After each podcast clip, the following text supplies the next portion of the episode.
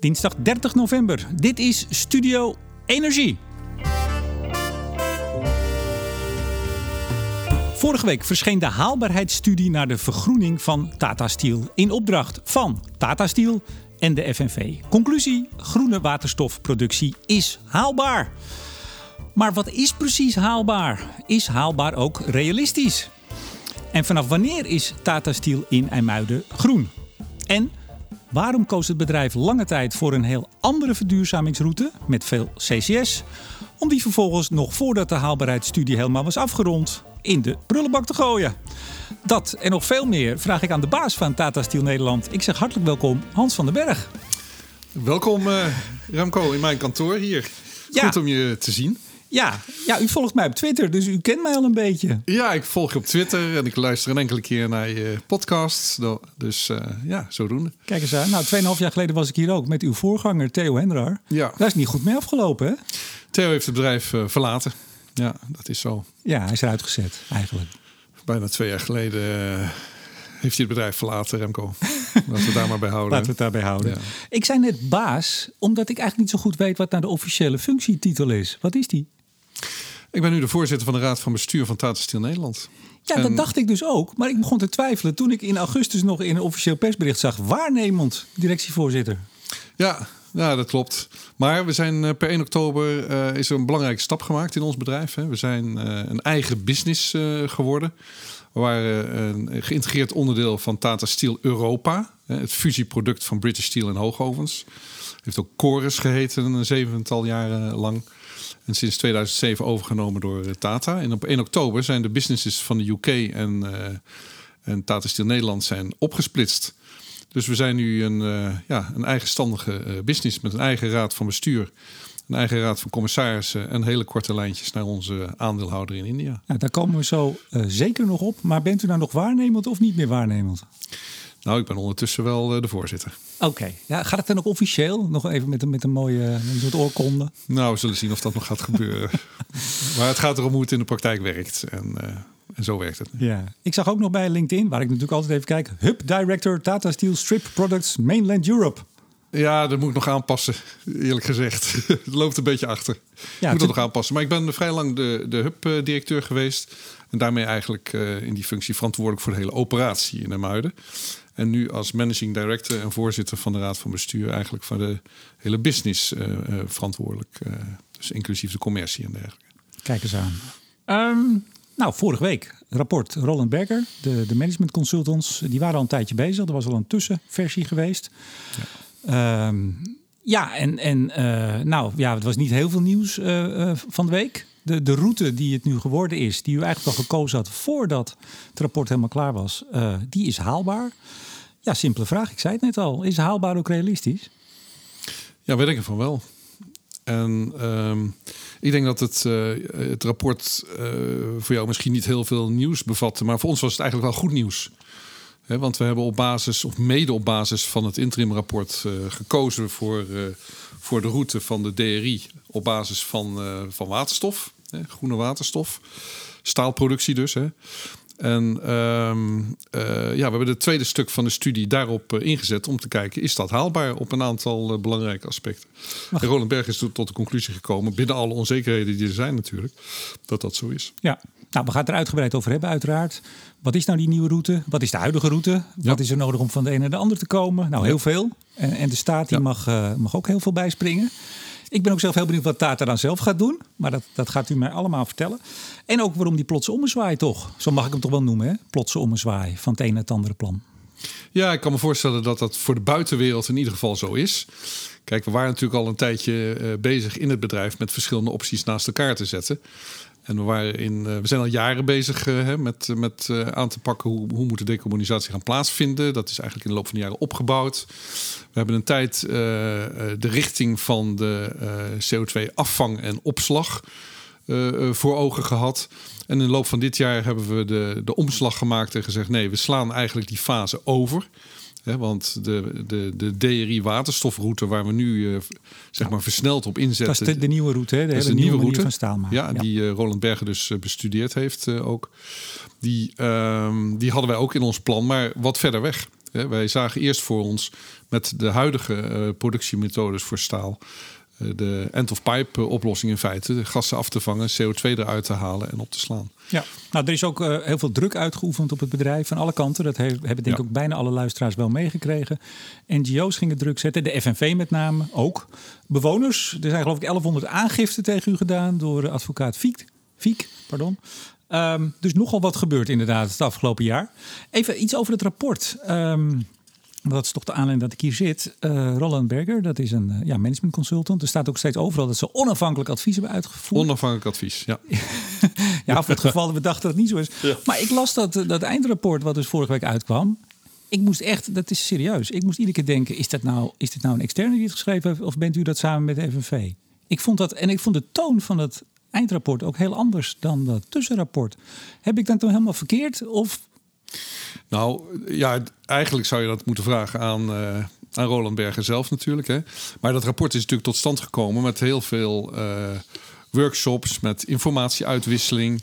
Hè, zowel van, uh, vanuit FNV met daarachter de werkgroep Zeester als vanuit, vanuit ons bedrijf. Dus plus daarnaast natuurlijk de kennis en kunnen die Roland Berger zelf uit haar netwerk uh, naar binnen haalt. Dus die dingen zijn gecombineerd uh, in het rapport.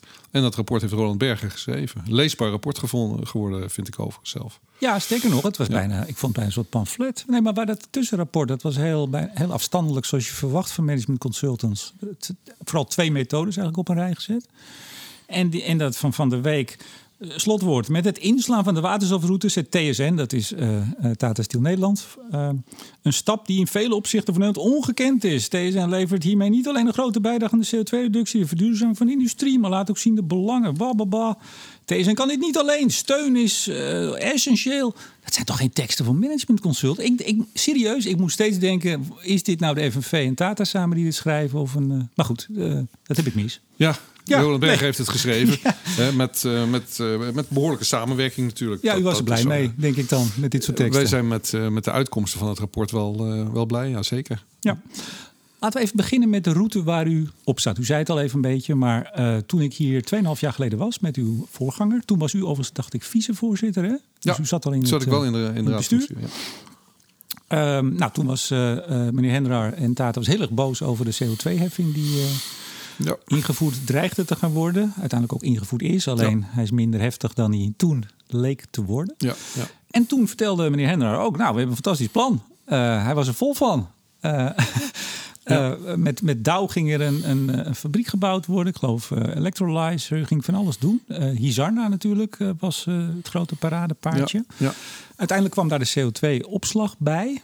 het afvangen en opslaan van CO2 om maar te voldoen aan uw uh, doelen. Laten we even, sorry, het doel. Wat is het doel ook alweer voor 2030? Voor 2030 is het, uh, is het doel uh, min 30 tot 40 procent CO2. Ja, en dus dat is min 4 tot 5 miljoen ton CO2 vermindering op onze totale uitstoot van 12,5 miljoen ton. Ja, en bij die 12,5 is dat belangrijk. Daar zit ook bij de restgassen die naar de Vattenfallcentrale gaan. Die, die zit alles bij elkaar. Alles bij elkaar. Ja, ja. ja, ja. Maar die, uh, nou ben ik even mijn draad kwijt. Ja, dat heb je wel eens. Dan stel je een vraag en dan ben je je eigen draad kwijt. Maar goed. Um, nee, dat af... Oh ja, nee, dat was zo. U schrijft ook in, in de rapporten, of er wordt geschreven in de rapporten door Roland Berger, onafhankelijk, dat bent u niet. Uh, die 3,8, 3,9, die volgens het klimaatakkoord eigenlijk uw deel zou zijn. Ja, dat Van, klopt. Ik heb nog eens het klimaatakkoord erop nageslagen. Maar waar, waar staat dat dan? Ja, dat is als je, als je doorrekent wat wij geacht worden te doen volgens het klimaatakkoord. En ja, ik heb niet al precies alle getallen hier uh, beschikbaar. Maar dat hangt er natuurlijk erg vanaf wat je als, een, als, als meetpunt neemt. Hè. Meestal wordt 1990 uh, daarin uh, genomen. We hebben natuurlijk al behoorlijk wat voortgang geboekt op het op, in het kader van energie-efficiency. Nou, als je dat allemaal doorrekent, dan moeten wij nog tegen de 4 miljoen ton doen om aan het klimaatakkoord in Nederland te voldoen. Maar het klimaatakkoord heeft toch geen opgave per bedrijf? Het is meer de, de hele industriesector heeft zoveel meegedaan. Hebt u dat ja, dan gewoon omgeslagen naar... 13,4 miljoen ton, dacht ik dat de hele industrie was. Maar dat hebt u omgeslagen naar uw eigen ja, bedrijf? Ja, en dan kom je op 4 miljoen ton uit. Ja, en toen Ja. hebt u eh, daar, daarna gezegd: nee, maar wij, gaan, wij zijn zo goed bezig, we gaan nog meer doen. Wij gaan naar eh 5 megaton. We hebben een ambitie van 5 miljoen ton uitgesproken. En die is ook vastgelegd in de Expression of Principles, hè, die we met het ministerie van EZK getekend hebben, begin van dit kalenderjaar. Ja. Ehm, wat ook wel behoorlijk toen geschreven is rondom de CCS-optie.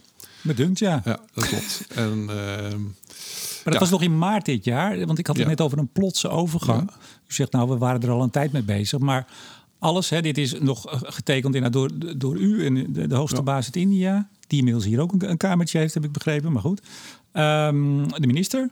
Ehm, nou, dit, dit was het toch. 5 megaton in 2030, CCS de kern. Daarnaast roadmap plus kan- ambitie hè, staat erin. En er staat ook in dat we nog steeds een eh, oog houden op eh, mogelijk andere technieken. Hè. Op het moment dat andere technieken interessant worden, dat we daar eh, de deur nog wel voor open hebben gehouden. Ook dat staat in de Expression of Principles. Maar je hebt gelijk, het is behoorlijk eh, geschreven op de route waar we toen op zaten, de CCS-route. Ja, en een belangrijke daarbij is dat jullie, zeg ik maar even, eh, en iedereen eigenlijk zei: ja, dit is, ex- ik zeg het even letterlijk, maar ik heb hier voor me. eh, expected to be the most cost-effective route.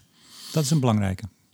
Ja, dat, eh, dat is correct. Hè. Als, je dat, als je het doorrekent, dan zie je dat de CCS, althans zoals we het toe- toen uitgerekend hebben, dat dat ook de goedkoopste manier was om, om vrij snel een behoorlijke hoeveelheid CO2 eh, te verminderen. Ja, nou, Dat is allemaal waar. Het staat allemaal eh, netjes omschreven. zeker. Nee, Ja. geen, geen onwaarheden hier in de, in de Eimond. En nou ga je vragen, waarom ben je omgegaan, eh, Hans? Nou, nou, nou eh, ja, Ja. tuurlijk. Dat, dat heb ik net al eigenlijk even gezegd. Nee, maar, maar, maar toch even. Ja. Dus dit is nog maart 2021. Nogmaals, met veel fanfare in het Engels. Het leek, het leek wel een, een klimaatakkoord met allemaal bepalingen. Het is Nou, het, is, indrukwekkend. het is natuurlijk ook een enorme stap. Hè? Laten we dat even niet eh, eh, vergeten. Die, die 4 miljoen ton en die 5 miljoen ton ambitie die daarin genoemd zijn, dat is eh, heel veel CO2.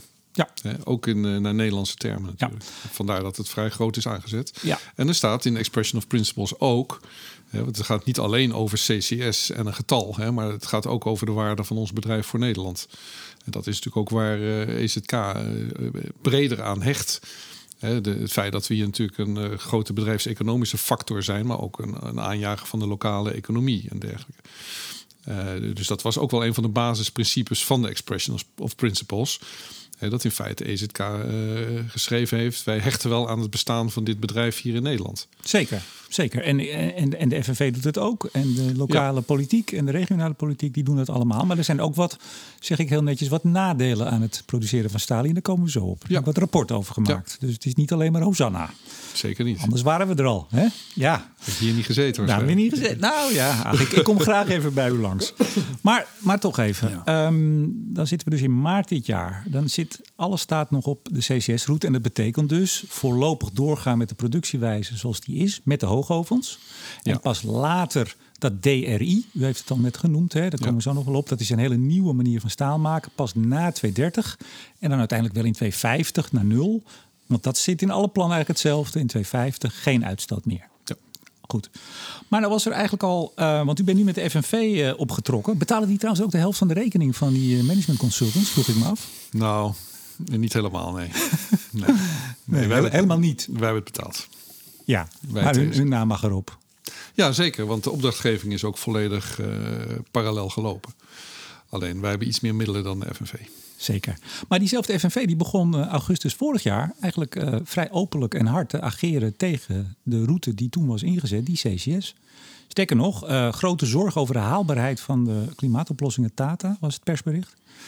Ehm, zowel tegen CCS als tegen Isarna begon, begon eh, de FNV zich te, te keren.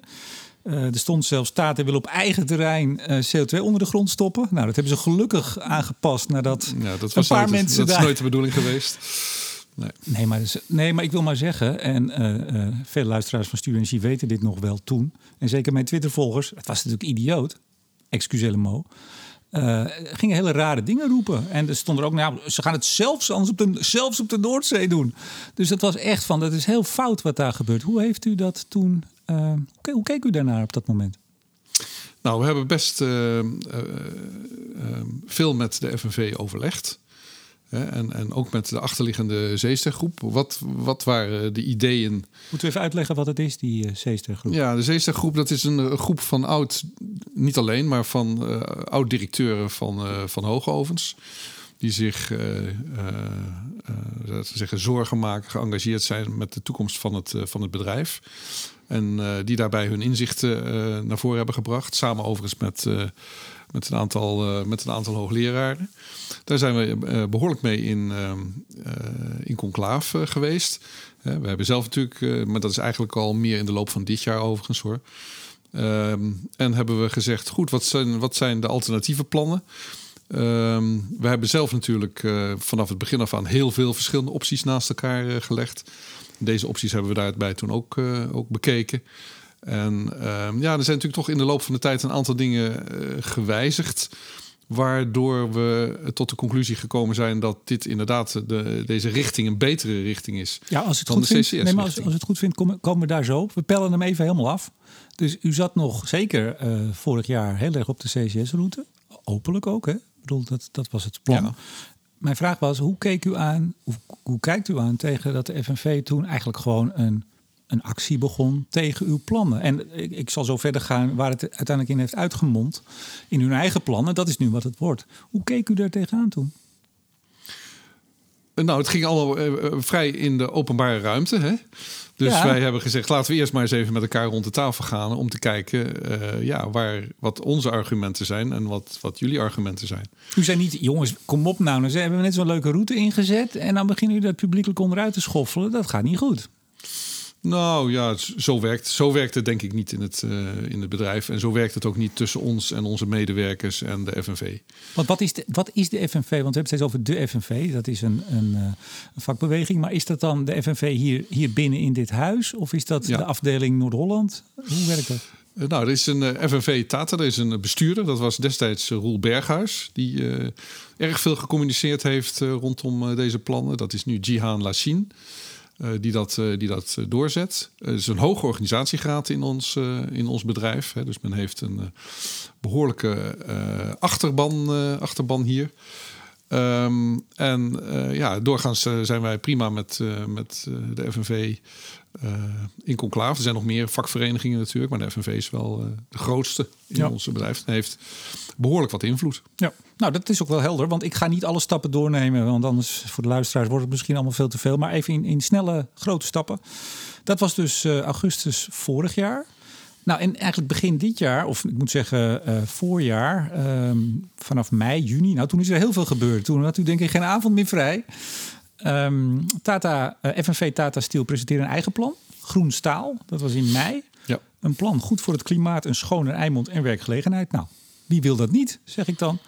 Uh, daar kwamen toen de aangifte overheen, dezelfde maand. Zo'n 1100 mensen uh, via die uh, toch bekende advocaten, Benedict Fiek. Hoe staat het daar trouwens mee met die aangiftes? Weet u dat? Nou, het OM is dat aan het bestuderen om te kijken of men een onderzoek gaat doen. Dat is nog niet zeker? Nee. En de aanklacht, laten we daar niet te, te diep op ingaan, maar u stoot er veel uit en daardoor hebben mensen lopen hier meer gevaar dan moeten we het heel precies gaan formuleren. Ik denk dat het beter is als ik daar niet op inga op dit moment. Nee, maar in ieder geval, uh, um, zij heeft eerst uh, als advocaat proberen de tabaksindustrie aan te pakken. Ik geloof dat ze nu ook Schiphol achterna wil. Maar u bent, uh, nou, u zit even ertussenin, zou ik maar zeggen. En zij werpt zich op als, als advocaat voor bewoners die klagen over overlast. Laten we het dan even wat neutraler zeggen. met name voor de, over hun gezondheid. Ja. Sorry voor de? Gezondheid. Gezondheid, ja, zeker. Ja, dus, dus die, die, pijpen, dat, dat gezicht vinden ze nog wel mooi. Uh, stank, niet, stank is misschien ook alweer iets minder, maar het gaat inderdaad over de gezondheid. Zeker.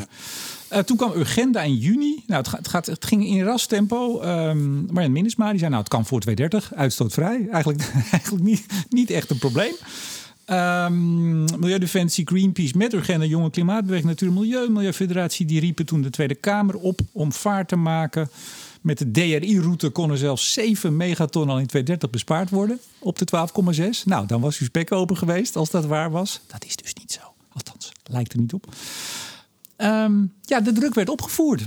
Mag ik het zo dan samenvatten? U zat nog steeds met uw CCS-plan en allerlei partijen. En Ja. ook de, de politiek hieromheen, die u toch al ongeveer zolang u hier zit, 100 jaar, meer dan 100 jaar gesteund heeft. Die begonnen ook, ja, die kreeg ook boze kiezers achter zich aan. Dus de druk nam toe.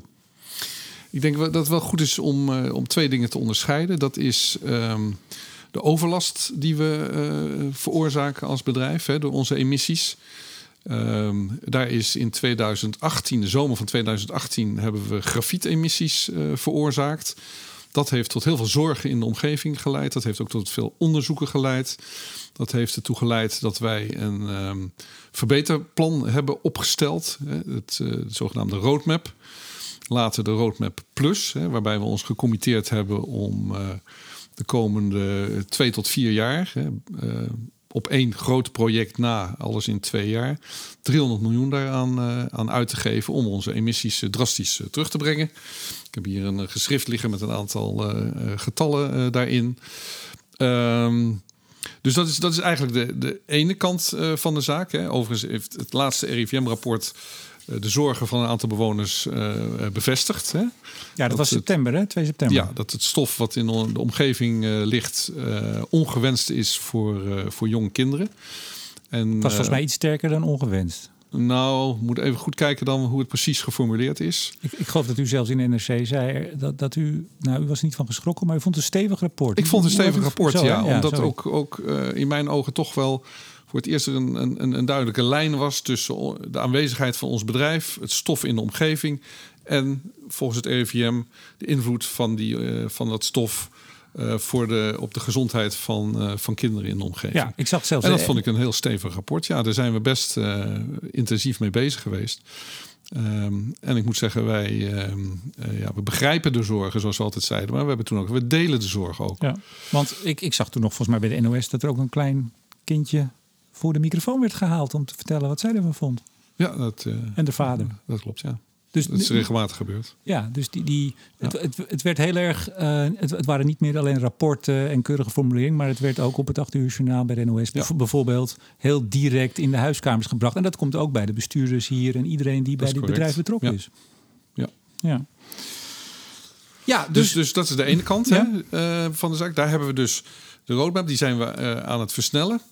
Eh, we hebben daar ook al de eerste eh, verbeteringen zien we, zien we daarvan eh, van terug. Hè. Dus dat is eigenlijk een ja, vanuit de huidige situatie, hè, de huidige installaties die we hebben. Ja. Hoe gaan we nou op een, op een zo kort mogelijk tijdschaal daarin onze emissies verminderen en onze Ja. omgeving verbeteren? Omdat juist die decarbonisatie naar, naar laag CO2, hè, waar we het eigenlijk de rest steeds over hebben, dat is natuurlijk toch nog wel vijf tot tien jaar weg hè, voordat dat echt gaat, gaat werken. Dus tot dat moment zullen we het met de installaties moeten doen die we nu hebben. Nou, en daar zit dan een 300 miljoen eh, euro programma overheen om ervoor te zorgen Ja. dat die eh, ja, minder emissies. Maar klopt het nou dat u op de dag dat die aangiftes werden gedaan... eh, bekend maakte dat u dat Roadmap Plus sneller ging uitvoeren? Dat was volgens mij op dezelfde dag. Dat Dus dat is, was al in mei nou, dit jaar? Er zullen wel een paar dagen tussen gezeten hebben. Maar dat is heel dicht bij elkaar geweest, ja. Dat klopt. Want dan voelt u dus ook versnelling, wel... hè, van ja, de die 300 versnelling, ja. Maar dan voelt u dus ook wel die druk van de publieke opinie... en hoe je het ook maar noemen wil, voelt u wel. Ja, maar natuurlijk voelen we die. En die nemen we ook hartstikke serieus. Maar zegt er dan niemand, waarom had je dat niet sowieso gedaan? Waarom wacht je nou tot er 1100 aangiften zijn? Dat had je toch ook een maand geleden kunnen aankondigen en ook doen? Kijk, die versnelling, daar zijn we natuurlijk al eh, sinds de lancering zelf mee bezig geweest. En dat, dat die, eh, die aangifte en de, eh, de bekendmaking van die versnelling heel dicht bij elkaar liggen. Ja, dat is wel een vorm van, eh, van toeval. Oké. Wat ons betreft. In ieder Nou, geval. we, we gaan even wat, wat sta- stappen door. Er kwam een tussenrapport Roland Berger. Vond ik een, een prettig rapport. Daar stonden heel veel dingen feitelijk... eh, ja, ik ben ook een beta. U bent, eh, u bent een gepromoveerd natuurkundige, hè? Ja, dat klopt, ja. Ja. ja. Waar bent u op gepromoveerd? Op eh hoge temperatuur supergeleiders. Kijk eens aan. In 1989 heb ik daar een proefschrift over geschreven, ja. Ja, en daarna vrij snel hier terechtgekomen. Ja, toen heb ik een, eh, een halfjaartje bij het ministerie van EZ gewerkt, heel kort. En toen ben ik hier begonnen in 1990, 1 oktober. Nooit weggegaan. Nooit weggegaan. Gebeurt vaak hier, hè, bij, eh, bij Tata. Er zijn veel mensen die hier langdurig werken, ja. ja. Fijn bedrijf, denk ik dan. Met veel mogelijkheden en, veel, eh, en divers. Dus je kan hier je, je hele carrière doormaken op heel veel verschillende functies, met heel veel verschillende type werk. Het verveelt nooit, moet ik zeggen. Maar het is nu wel heel spannend hoor. Kijk eens aan. Ja. Maar goed, dat, dat, uh, dat kwam op dezelfde dag als dat RIVM-rapport. Dat hele stevige RIVM-rapport met het effect op kinderen, op kleine kinderen. Um, daar werden eigenlijk twee routes naast elkaar gezet. Uw route, zeggen we maar even. En ik zou bijna zeggen de FNV-route. En de NGO-route, waar de, waar de Milieubeweging en ook partijen in de Kamer over, uh, voor pleiten. Namelijk, sla die CS-stap nou over. U zou hem toch gaan doen, die DRI. Hoe heet het ook weer? Direct, wat is het ook weer? U weet het vast. Ja, Direct Reduced Iron. Kijk eens aan, precies. Um, u gaat hem zo even uitleggen wat het, ja, hoe dat precies werkt. Ik heb, het, ik heb het wel gelezen allemaal. Ik denk dat ik het kan, maar u kan het veel beter. Dat weet ik zeker. Nee. Die twee routes zijn naast elkaar gezet. En daar kwam uit, nou ja, het, het kan. Het kan eigenlijk alle twee wel. Er zitten allerlei mits en maar aan, voor- en nadelen, zoals dat altijd wel is. Um, en er was ook een uh, debat in de Kamer de week daarna. Dus alles kwam daar toen ook weer bij elkaar. We hebben het dus over september dit jaar. En nou, Ronald Berger ging uh, vrolijk verder met het eindrapport maken. En, en u zei een week later: nee, maar Omar, wij weten al welke route het wordt. We gaan voor de, de groene route. We gaan voor de route die FNV voor zich ziet. Uh, milieuorganisaties, ja. groene partijen. Wij zijn om. Ja, het is misschien wel goed om eventjes een klein stapje terug te doen. Hè? Want uh, we zijn niet voor niks begonnen natuurlijk met, dat, uh, met, die, uh, met het onafhankelijke rapport. Maar vooral ook met die gezamenlijke opdrachtgeving. Hè, dus wij waren met elkaar in gesprek. Um, er werd ook veel gesproken met, met parlementariërs in die tijd. En eigenlijk was er een roep, vanuit, ook vanuit de samenleving, om die twee verschillende opties nou eens goed naast elkaar te zetten. En, um, en, en vandaar dat we bij, bij Roland Berger uh, terechtgekomen zijn. En uh, de opdracht hebben, hebben gegeven. Dus de eerste opdracht van Roland Berger was: zet nu die twee verschillende opties naast elkaar. Dus laten we zeggen de hoogovensroute met de huidige installaties, de CO2-afvang en opslag. Naast de, laten we zeggen, de direct to DRI, de directe route naar de DRI op basis van, uh, van waterstof. Zet die twee naast elkaar. Bekijk de haalbaarheden de tijdschalen en de snelheid waarmee je dat kan, kunt, uh, kunt doen. Haal je dan nog je klimaatambities uh, uh, daarbinnen? En, en ook wat is de economische haalbaarheid van die twee verschillende routes? Ja, ja u wou nog wat zeggen. Ja, en toen kwam het, het parlementaire debat, wat gepland was begin september. En toen hebben we dus besloten om ook een tussenrapport te laten maken. Ook om dat parlementaire debat goed te kunnen voorzien van de nodige informatie. Uh, ondertussen was wel duidelijk aan het worden. Uh, ook vanuit de discussies die we natuurlijk hadden met, uh, met Roland Bergen, maar ook vanuit het eigen inzicht, dat de situatie best behoorlijk veranderd was ten opzichte van een jaar geleden. We zagen. Ja, maar daar, daar komen we zo. Vindt u het goed dat we dat zo doen? Want dat, dat is de omslag. Sure. Nee, want ik wil eerst nog even. Wat is die DRR, uh, DRI-route precies? Hoe maak je dan staal? Ja, wij maken nu staal door ruwijzer te maken met onze twee grote hoogovens hoogoven 6 en 7 zoals ze heten. Uh, 1 tot en met 5 zijn al lang afgebroken. Daarmee maken we ruwijzer. En die twee hoogovens die voeden we met geagglomereerde ertsen en geagglomereerde kolen. Dus stukken gemaakt, zeg maar. Ertsen, daar maken we pellets en sinter van. En, en kolen, daar maken we kooks van, met kooksfabrieken. Dat gaat de hoogoven in.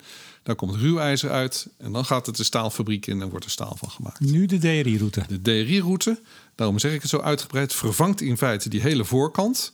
Dus, dus de, de sinter, de pellet, de kooksfabrieken en de hoogovens worden vervangen door nieuwe installaties. Pelletfabriek blijft overigens wel bestaan, dus we blijven pellets maken. Daarmee voeden we dan wat heet een DRI-installatie. Direct Reduced Iron Making. Dus dat is een uh, installatie waar de pellets, die erg lijken op de huidige pellets, ingaan. Worden gereduceerd. Hè? Want reduceren is eigenlijk het vak van de ijzermaker. Je gaat van ijzeroxide naar ijzer. Dat gebeurt in die, in die DRI-installatie. Dus dan heb je ijzer gemaakt, maar dat is nog steeds een vaste stof. Dat zijn pellets, hè? ijzeren pellets zou je eigenlijk kunnen zeggen, mm-hmm. die vervolgens gesmolten worden. En dan heb je weer een soort ruwijzer en dat ruwijzer gaat weer die staalfabriek in. En daar in. moet je nog een koolstof uithalen. En in, wat er nog aan koolstof in zit, hè, want dat speelt een rol in het vloeibaar maken van het ruwijzer, dat haalt de staalfabriek er in feite uit. Ja, dus je vervangt je hele hoogoverroute door een DRI met een smelter. Ja, en dat kan eerst op aardgas, maar de bedoeling is om het uiteindelijk met groen waterstof. Correct, ja.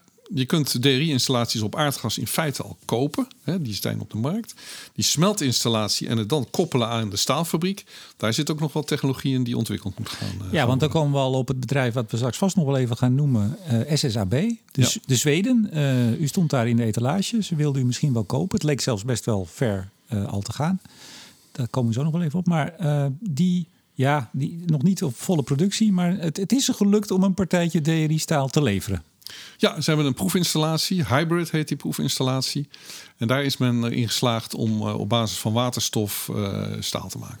Nou, denk ik dat heel veel luisteraars hiervan gehoord hebben. Omdat het ook veel in de media was hier. Maar dan kwam ik in het eh, Roland Berger rapport tegen. Een, een eh, installatie die volgens mij, of die lijkt al verder te zijn in Algerije.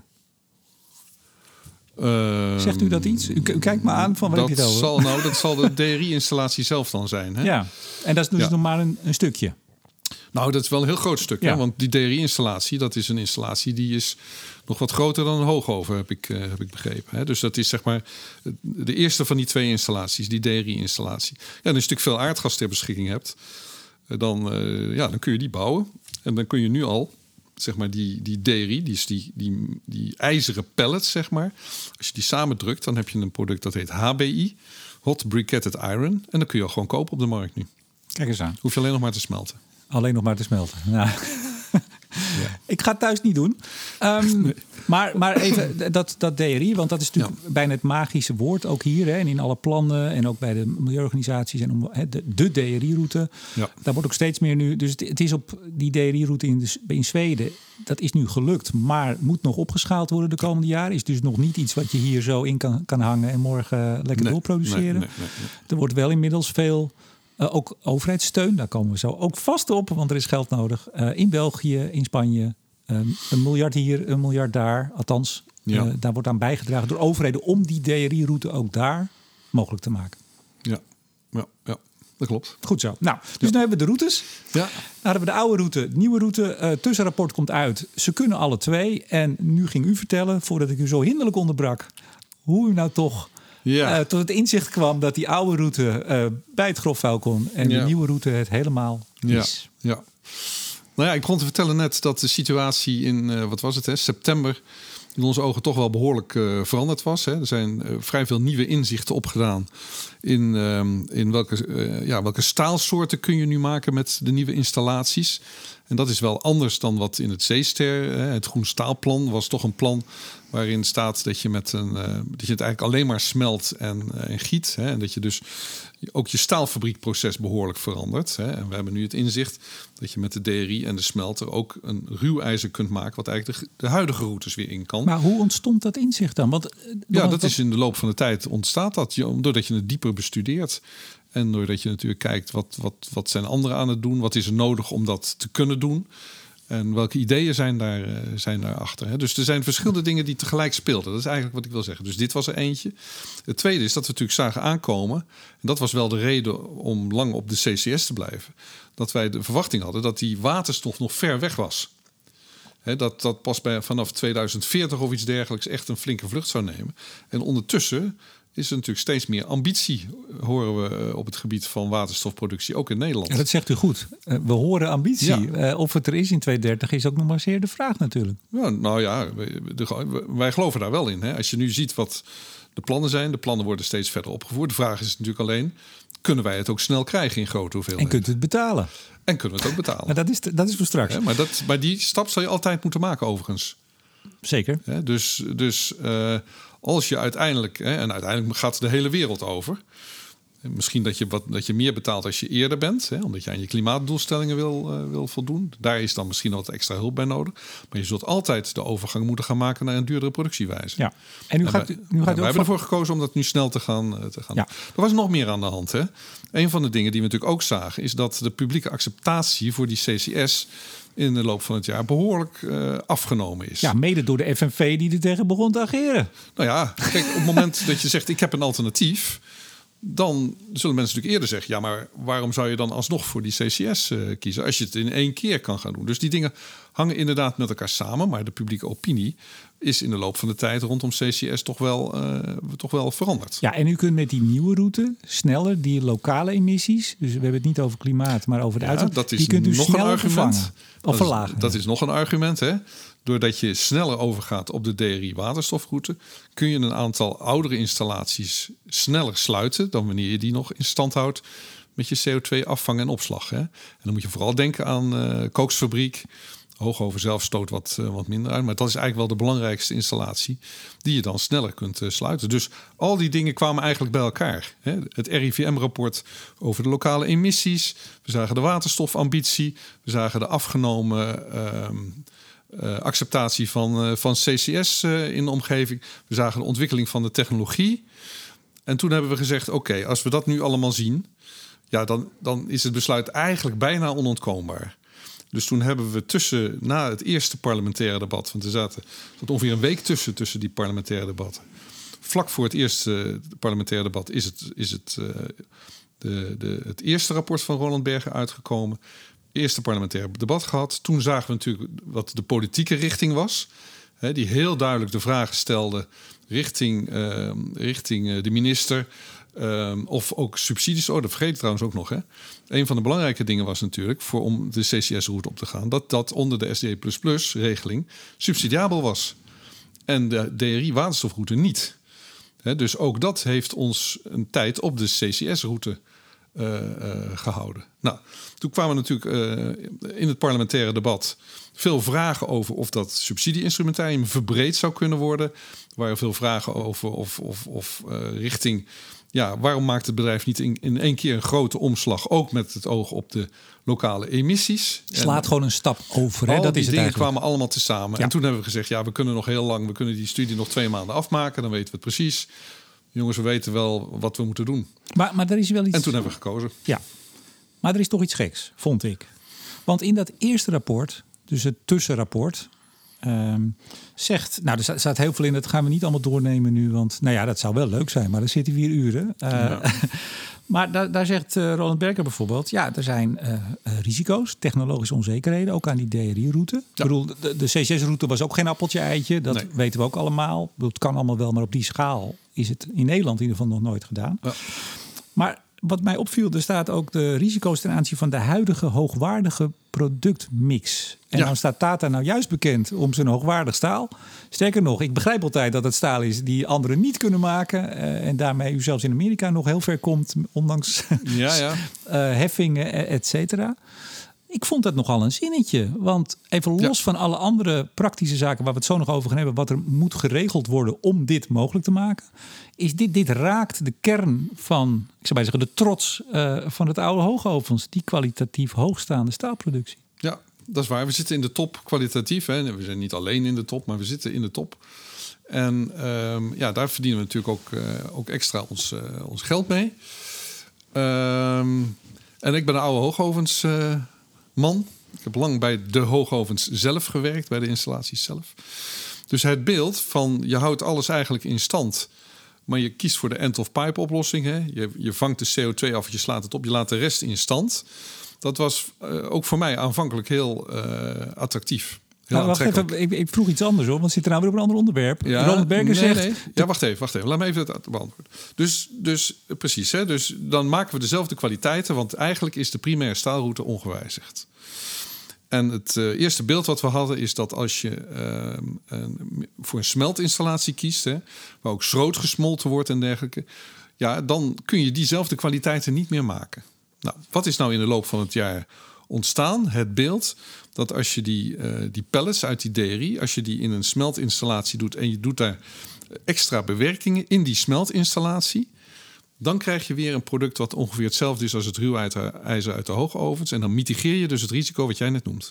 Ongeveer. Ik, dat ik, moeten we nog een stukje ontwikkelen, ja. Ja, dat klinkt heel lief. Een stukje ontwikkelen. Ja, maar, maar wij de, geloven de, erin dat dat kan. De dames en heren die hier nu verantwoordelijk zijn de, voor, de, voor die kwaliteit... die zullen absoluut eigenlijk diep in wat niet willen dat er iets aan gebeurt. Want dat is een nachtmerrie. Dat is, dat is heel lang, uh, heel veel slapeloze nachten. Uh, ja, moet nog een beetje uitproberen.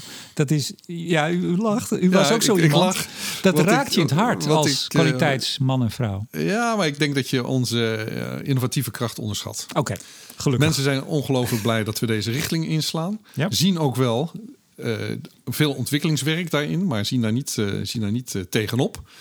Maar het moet wel gebeuren. En we gaan natuurlijk eerst onze 40% van onze productie omzetten, 40, 50%, ongeveer de helft. En de oude route blijft ook nog in stand. Nou, wij maken niet alleen maar topproduct. Dus wij gaan natuurlijk met die nieuwe route... gewoon oude rotzooi. Nee, nee. We noemen dat vroeger pisbakkenstaal. nee, maar nou, uw toiletten hier zijn van staal, zag ik. Ja, maar ze roestvrij, hè? dat maken we niet. Oh, oh nee. Oh, nee? Dat weer niet. Hè? Nou. Maar goed, dus, dus wij krijgen natuurlijk ook de gelegenheid om ook met de nieuwe installaties, hè, ook dat ontwikkelingswerk nog te kunnen doen voordat we ook van de tweede hoogoven afscheid nemen. Ja, maar even, dus er zijn een aantal aspecten. Uh, we komen zo nog even op de kosten natuurlijk. En, en ook die lokale uitstoot. Uh, ja. Hoeveel gaat die nou naar beneden? Um, uh, nou ben ik toch weer met draad. U hebt een invloed op mij, wat ook nog al twee keer. Dat gebeurt zelden. Twee keer met draad kwijt ben. Maar het is ook al zoveel wat, we hier, wat ik hier voor me heb liggen. Um, goed, alles overziend. kwam u met z'n allen tot de conclusie: we gaan voor die nieuwe route. Um, nou zei uh, uh, Roland Berger ook, uh, onafhankelijk natuurlijk, zei ja, we moeten nog wel in het finale rapport heel veel uitzoeken. We moeten exact kijken naar wat kost dit nou eigenlijk, die onrendabele top. We moeten ook nog kijken de effect op de werkgelegenheid. Ik denk dat de FNV dat wel fijn vond dat ze het erin ja. schreven. En we moeten kijken naar die lokale uitstootreductie. Ja.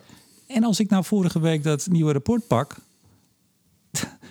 dat staat er eigenlijk niet in. Want er staat eigenlijk, ja, de exacte uh, reductie op die lokale emissies kunnen we eigenlijk nog niet uh, bepalen. Want dat ligt nog heel erg aan de uitwerking van deze route. Er zijn nog allerlei keuzes te maken, dus dat weten we niet. Ja. Effect op werkgele werkgelegenheid. Eigenlijk ook niet. Alleen dat er gewoon 550 banen in die kooks- en uh, kooksfabrieken, in die sinterlijnen zitten. Nou, er komt ook wel weer wat bij. Het zal vooral gaan om het, het, het herscholen of andere kennis ja. opdoen. Maar ja. wat nou dat effect is, staat er niet. En die kosten, nou, daar moet u me echt sowieso voorbij gaan praten. Want er staat een grafiek in die ik niet snap. Met, met uh, CO2-prijs en, en, schuine lijnen. En ik heb geen idee. En in de tekst, daar, daar, daar kan je niks van maken. Wat hmm. nou die onrendabele top is, wat dit nou gaat kosten. Dus u hebt ook al gekozen door nieuwe inzichten. Die hebt u net goed uitgelegd. Maar je hebt toch ook gekozen voor iets waarvan u niet weet wat het kost? Toen, in september. En volgens mij weet u het nu nog niet, maar dat gaat u me straks vertellen. Dus in hoeverre is dit nou een, een afgewogen oordeel van een gepromoveerd natuurkundige die altijd naar de cijfers kijkt? U weet heel veel nog niet. Sprong in het duister? Nou, sprong in het duister, dat, dat, uh, dat is wel ver gaan. Maar het is wel een grote sprong, ja. En daarom noemen we het ook het uh, moonshot-programma. Heet vooralsnog ook werktitel Apollo. He, naar uh, de, ja. de eerste mensen op, uh, op de maan. He, en, um, maar wel vanuit het inzicht dat er eigenlijk niet direct een alternatief is. We moeten, dus het, dit, we dit moeten is, het gewoon doen. We, we moeten gewoon op pad gaan en we gaan het doen en we gaan dingen oplossen en we gaan partners vinden. We zijn afhankelijk van, uh, van, van de omgeving, van mensen, van vergunningverlening, van infrastructuur van het tot uh, beschikbaar komen van waterstof. Ja, aardgas is er wel, uh, maar uh, van waterstof. Hè. Dus dat hele traject, dat is inderdaad wel een heel groot traject. Ik zou het niet een sprong in de duis willen noemen, maar het is wel een, een, een, behoorlijk grote stap voorwaarts die we maken. Ja. Nou, Waarvan een, een nog een hoop dingen uit te zoeken zijn. Hè. Dat is duidelijk. Een sprong in een schemerige avond met vrij veel mist. Maar, maar, maar, maar to, toch even, um, die 5 megaton reductie in 2030. U zei net al stel, snel, ja, ambitie. Maar dat is toch echt wel gecommuniceerd als dat gaan we doen. Dat ging met het vorige plan, ging dat 5 worden. Die haalt u niet met die DRI-route. Althans, in het tussenrapport stond, dan zijn er aanvullende maatregelen nodig. Ja. Nou, aanvullend betekent ook, dan moet van alles verbouwd worden en geïnvesteerd en dat kost geld. En in het eindrapport zie ik, zie ik dat niet meer genoemd worden, die aanvullende maatregelen. Gaat u die 5 megaton halen? Dat Sterker inderdaad... nog, gaat u die 3,8 3,9 ja, die gaan we halen. Nou, Want ja, die moeten, die moeten we halen. Daar, ja. daar zit, dat, dat is zeg maar het. Maar ook dat is nog uh, best uh, uitdagend. En uh, de vijf is, is wel is, is onzeker, maar we hebben nog flink wat dingen uit te werken. Maar dan, dan zegt u dus eigenlijk, althans zo las ik het, herstel, corrigeert u mij maar. Die, uh, met, name die lokale emissies en de druk die dat oplevert, politiek, NGO's, burgers, aangiftes, et cetera, die is zo groot dat we eigenlijk misschien wel kiezen, zo las ik het. Dat is nu even de, de, de hoofdzaak. En als we nou geen 5 of misschien zelfs geen 3,8 of 3,9, maar het wordt 3,6, dan wordt ons dat wel vergeven. Ik denk namelijk dat dat zo is. Ik denk dat de omgeving speelt een belangrijke rol. Maar de omgeving vindt deze stappen in het algemeen natuurlijk nog veel te ver weg. Hè. Vandaar dat ik zo net ook het verhaal van de Roadmap, de Roadmap Plus, de versnelling van de Roadmap Plus uh, vertelde. Want dat zal wel de, op, op zeer korte termijn, hè, dus, uh, over twee jaar, de grote stap voorwaarts moeten, moeten leveren. Maar goed, het is wel een heel belangrijk aspect. Kijk, als staalbedrijf hier in het uh, dichtbevolkte westen van Nederland ja, kan je alleen maar bestaan met, met uh, ondersteuning van de stakeholders. Met, met het feit dat, laten we zeggen, mensen hier in de omgeving uh, ja, ons uh, niet alleen tolereren, maar ook trots op ons zijn. Ook zien wat de meerwaarde is van ons bedrijf hier in de omgeving. Ja. Dan heb je het over directe banen, maar dan heb je het ook over technologieontwikkeling en al dat soort zaken. Als het over die snelheid gaat, viel me één zin in het rapport op. U, hebt, u zei het zelf net al, hoog over 6 en 7. Ja. stap 1 wordt 6. Die moet dan vanaf, nou hopelijk 228, 230 moet die zeg maar om zijn, weg. Uh, vervangen door een DRI-eenheid. Uh, als ik het verkeerd zeg, uh, dan, dan hoor ik het wel. Um, maar die is kleiner dan 7. En dan staat er in het Roland Berg-rapport, um, ja, 7 is groter. Als we die eerst zouden doen, of als die eerst zou worden gedaan, dan kunnen we sneller meer reduceren. Maar die optie hebben we niet onderzocht. Toen dacht ik, waarom niet? Nou ja, omdat uh, het rapport moet een keer af zijn, laat ik het zo zeggen. Dus uh, onderzocht is hoog over 6. Maar waarom? Omdat dat de meest voor de hand liggende was. De kleinste eerst. Past qua, uh, nou ja, dat is niet helemaal. Kookse gasfabriek 2 past op hoog over 6, maar die andere past ook ongeveer wel. Het is ook de oudste hoogoven. Maar we zijn nu intensief aan het kijken of we ze toch niet moeten omdraaien. Toch? Zeven eerst. Nou, hebben we nieuws? Nou, het staat er niet precies zo, maar het zijn, het zijn wel. Uh, dat is ook waarom er nog een aantal dingen uit te werken zijn. Hè? Dus de configuratie van de, van de nieuwe installaties. Hè? Hoeveel installaties, hoeveel smelters, hoeveel, wanneer moeten we, moeten we wat precies bouwen? Hoe past dat op, uh, op de hoogovens? En wat er onder andere mee samenhangt, is dat we hoogoven 6 in 2023 nog een keer een reparatie moeten geven. Een hoogoven gaat ongeveer 15 jaar mee. Onze hoogoven is wat langer, want we bedrijven ze heel erg, uh, heel erg netjes, zeg maar, vanuit, het proces, vanuit het proces gezien. Maar in 2023 dan moet er echt wat gebeuren met hoogoven 6. Dus die gaan we nog een behoorlijk grote reparatie uh, dan geven. Nou, dat hebben we allemaal uitgebreid bestudeerd. Daar zijn we nog steeds mee bezig. Opdrachtgeving is, is onderweg om dat te gaan doen. Ja, dan, dan is die hoogoven best weer in goede staat en kan die ook weer langer mee. Ja, maar u, u snapt en uh, hoog over 7 komt een paar jaar later. Nou, dan moeten we natuurlijk kijken hoe groot willen we de reparatie van 7 nog doen.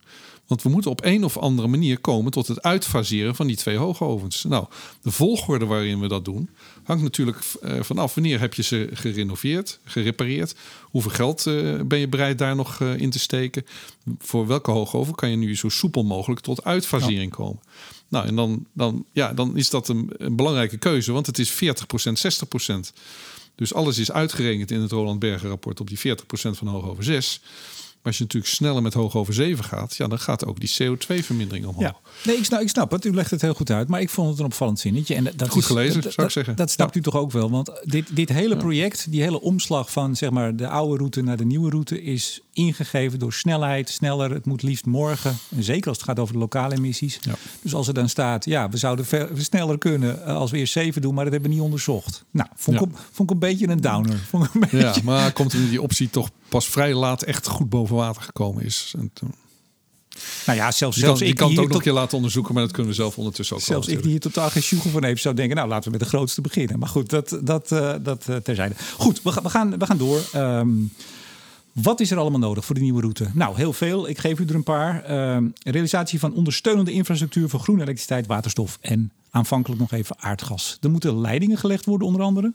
Nou, de hele energiemix verandert natuurlijk enorm. Ja. Kijk, wij uh, met, met, de huidige kolen uh, uh, gestookte installaties, zeg maar, ehm, maken we productiegassen. En die productiegassen die worden in de elektriciteitsstralen van Vattenval buiten ons terrein worden verstroomd tussen aanhalingstekens. En die stroom nemen wij weer in hoge mate af voor onze walserijen, want die verbruiken heel veel, heel veel stroom. Nou, dat, dat hele systeem verandert dus dat wil zeggen dat we uh, stroom van buitenaf zullen moeten gaan betrekken. Dat zal natuurlijk groene stroom uh, moeten gaan worden. Um, het betekent dat we eerst een grote hoeveelheid kolen in aardgas zullen moeten omzetten. En die aardgas vervolgens in waterstof. Daar is uh, inderdaad is daar leidingwerk voor nodig. Nou liggen we hier blijkbaar als bedrijf erg gunstig, zo dicht aan de, Um, aan, de, uh, aan de kust enerzijds, maar ook ten aanzien van het leidingwerk wat hier rondomheen is. De voorziene backbone op het gebied van waterstof zal hier ook heel dicht langskomen. Dus um, ja, er is nogal wat voor nodig. Ja. ja. Nee, maar dus dat, dat is één. Hè. Er moet infrastructuur komen en die, die moeten anderen natuurlijk aanleggen.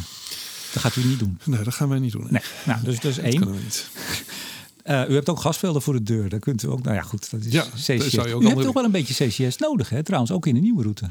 Nou, dat is een goede, dat is een goede vraag natuurlijk. We hadden het net over hoeveel CO2-vermindering kun je dan, uh, kun je dan toepassen. Als je het rapport goed leest, dan zie je dat als je alleen maar een DRI bouwt op waterstof, die hoog over 6 vervangt, dus een kleinere oven, dan kom je op ongeveer 3,1 miljoen ton. Nou, onze ambitie is om die 3,1 richting de 4 te, te duwen door over te gaan van aardgas op waterstof. 80 procent. Ja, in eerste instantie 80 procent. Maar uiteindelijk wil je ook nog verder omhoog. Alleen zal dan ook in de installatie nog verder moeten worden ontwikkeld. dus dan komen we richting of op die 4% uit met de DRI op waterstof. En waar Roland Berger op wijst, is dat je in plaats van waterstof te gebruiken, ook die CO2 zou kunnen afvangen die uit de DRI komt. En dan kom je eigenlijk weer, en dat is niet het oude plaatje, want dat is veel minder CO2 die daaruit komt. Hè. Ik geloof 0,8 miljoen ton of iets dergelijks. In plaats van wat we voorzien hadden met het oude systeem, 5, 6 miljoen ton. Nou ja, en dan moet je kijken, kun je die CO2 gebruiken in productieprocessen? Hè? Want CO2 kan ook als grondstof gebruiken. Of moet je daar toch nog iets anders mee? Dat, dat is het totaalplaatje. En zo kom je dan op die 4 miljoen ton uh, ja. uh, kom je uit. Nou, het is wel jammer dat toen u bekend maakte... we gaan voor de, niet voor de CCS-route, maar die andere... toen heeft, uh, hebben ze de stekker uit het Atos-project getrokken. Dat nou net de bedoeling was om die CCS... Uit het grote Atos-project is de stekker getrokken. Maar ja, dat zal nog wel op het waakvlammetje door, ah, doorkijken natuurlijk. U, u kunt als u zegt, nou doe toch maar een beetje. Dan gaan ze weer aan de slag. Nou, nou dat weet ik niet. Want er is natuurlijk een bepaalde grootte wat je voor een dergelijk systeem moet hebben. Uh, en je hebt een bepaalde CO2-stroom daarbij nodig natuurlijk. Dus ik weet helemaal niet of dat nou de, een, een, een goede oplossing is. Maar zo, zoals ik het las, is er nog wel een beetje CCS nodig. Wat, ik heb of waterstof. Ja, maar in de overgang naar 100% groene waterstof zitten daar tussenfases in. Nou, wij zetten in op DRI met waterstof, niet op CCS. Ja, maar we hebben ook nog blauwe waterstof. Hè? Met CCS dus? Ja, blauwe waterstof is, is eigenlijk het verplaatsen van de CCS van uh, dit bedrijf naar degene die de blauwe waterstof produceert. Dus groene waterstof is onze ambitie. Goed, we gaan door. Want uh, we hebben eigenlijk drie randvoorwaarden. En de tweede, dat vond ik een, een, beetje cryptische, al is het maar taalkundig. De tweede randvoorwaarde is marktomstandigheden voor kosteneffectieve beschikbaarheid van voldoende hoeveelheden groene waterstof, groene elektriciteit en aardgas. Dus een randvoorwaarde is marktomstandigheden. Ja, nou ja, ik weet niet of het heel handig opgeschreven is. Maar aardgas is, aardgas is duurder dan kolen en waterstof is duurder dan aardgas. En ehm, er is ook nog een prijsverschil natuurlijk tussen grijze waterstof die je nu kunt kopen en de groene waterstof die uit uh, renewables, dus uit groene energie gemaakt Die er nog eh, niet eens is in Nederland, althans niet. Uh, niet in de, in de mate die, die we nodig zullen hebben dat klopt. Ja. Maar wat, wat, wat zegt dit rapport nou? En u ondersteunt dat. Dus de, de marktomstandigheden moeten veranderen. Nou, we, moeten natuurlijk goed opletten dat we. Uh, we hebben een, uh, een, uh, een, wereldwijde markt, wereldwijde staalmarkt op dit moment. Hè? En we hebben een ETS-systeem. Wat ervoor zorgt dat de, de, de kosten om staal te maken in Europa hoger zijn dan op de wereldmarkt. Nou, dat is tot op zekere hoogte natuurlijk overbrugbaar. Hè? Een beetje afhankelijk van die CO2-kosten. Maar we zien dat bij de huidige CO2-prijzen ehm, al uh, export al ingewikkelder begint, begint te worden. Nou, wat er nu natuurlijk gaat gebeuren, is dat daar allerhande veranderingen in gaan plaatsvinden. Het ETS-systeem zal langzaam maar zeker. Hè, wij krijgen behoorlijk wat vrije rechten vanuit het ETS-systeem. Bijna alles toch? Wij, van de 12 miljoen ton die we uitstoten, hebben we 10 miljoen ton vrije rechten en 2 miljoen ton niet. Tegen 70 euro, wat nu de CO2 kost, betalen we dus 140 miljoen eh, belasting op Maar ETS. Ik hoop dat u dat al eerder, toen het laag was, eh, een beetje goed heeft ingekocht. Dat wordt nu één op één ingekocht. Serieus? Ja, tuurlijk. U heeft niet nog een, een potje liggen ergens. Dat hebben we niet meer. En ik, volgens mij verdient u netto hier 300 miljoen per jaar. Ja. Dus dan gaat het- de, de helft gaat er naar eh, ETS. Bij, dit, bij, dit CO2, eh, eh, bij deze CO2-prijs, met de huidige hoeveelheid vrije rechten, klopt dat ja. Ja, en als u helemaal niet zou doen, las ik nog in het rapport. eh, er zit ook nog een Nederlandse extra CO2-heffing op. Daar was meneer Hendra toen zo boos over. Daarom was ik hier toen. Ja, had meneer daar natuurlijk voor komen gelijk in. Ja, toen ging het Nou, nee, over. hoor, want het, maar, Toen maar- ging het over 600 miljoen. Als er niets zou gebeuren, als Ja. u niet zou doen, volgens de ramingen zou je in 2030 600 miljoen per jaar moeten aftikken en in 2035 1 miljard. Dat kan dus allemaal niet. Nee, Dan ga ik. Dus, u dus sowieso, hè, u zei net van goh, sprong in het eh, duister. Hè. Wat, wat, gaat u, wat doet u met het bedrijf? Als we blijven staan, dan gaan we ten onder. Dan gaan we ten onder aan de CO2-prijs. Dus we moeten springen. We moeten een grote stap voorwaarts maken. Anders is er geen toekomst. Simpelweg omdat we, ja, eh, Dat, dat moet voor een beta-man als u toch best een lastige zijn, kan ik me voorstellen. U bent een Het went. natuurkundige. Ja, maar goed. Ik, eh, ik zie ook wel het, eh, het onafwendbare. En ik zie ook de noodzaak natuurlijk van het feit dat we CO2 moeten verminderen. En dan moeten we zien hoe maken we er een kans van. Hoe Ja. zorgen we ervoor dat we zo'n grote stap maken... dat we de eerste zijn die groene producten daarin kunnen Want, maken. op, het- want we, ik kijk even op de tijd. Eh, We zitten al gezellig een hele tijd, maar eh, ik ga een beetje vaart maken misschien toch maar. Eh, voor het gemak van de luisteraar wellicht. Ehm, in het rapport wordt ook die Nederlandse extra CO2-heffing nog eens benoemd. Als zijn een factor die maakt dat hè, als het over het ETS gaat, is het iedereen in Europa gelijk. Ja. In, relatie in de concurrentieslag met de wereld. Ja. Maar binnen Europa heeft u dus ook een probleem, staat in het rapport, door die extra Nederlandse CO2-heffing. Kijk, het is, voor, het is voor een bedrijf als het onze belangrijk... dat er een zogenaamd zoveel mogelijk level playing field is. Stel dat er een wereldwijd level playing field zou zijn... en je zou een, een ETS-systeem wereldwijd invoeren... dan gaat die hele industrie die gaat vergroenen... want er ontstaan overal business cases. Nou, dat hebben we niet. Dus, ehm, maar in Europa hebben we het in belangrijke mate wel natuurlijk... Hè, met het ETS-systeem. Nou, waar men nu eh, over denkt is het verminderen van de ETS-vrije rechten... En het invoeren hè, met, met die hogere CO2's en het invoeren van een, van een eh, CBAM, hè, een Carbon Border Adjustment Mechanism, dus een, een tariefsmuur. En u heeft daar eh, Diederik Samson over geïnterviewd, dat heb ik gehoord. Ehm, Ja, die luistert u wel natuurlijk. Ja, dat is die ver- luister ik verplichte kost. Ja. ja, verplichte kost. Maar dus wat er dan gebeurt, is dat gewoon eh, de staalprijs in Europa omhoog gaat. Dat is eigenlijk wat er gebeurt. En, ehm, en dat degenen die van buiten naar binnen willen ehm, eh, importeren in Europa, krijgen daar een boete voor, die ongeveer gelijk is dan aan die prijs, die extra prijs die we betalen hier voor, voor CO2. Dus eh, alleen kunnen we niet meer exporteren dan. Dat wordt ingewikkeld. Daar kunnen we straks ook nog even heel kort Ja, daar, had ik over het, daar had ik het ook met Samsung over. Ja. je, daar had je compleet gelijk in. Hè? Wij exporteren 25% van onze productie buiten Europa. 25%. Dus dat is heel veel.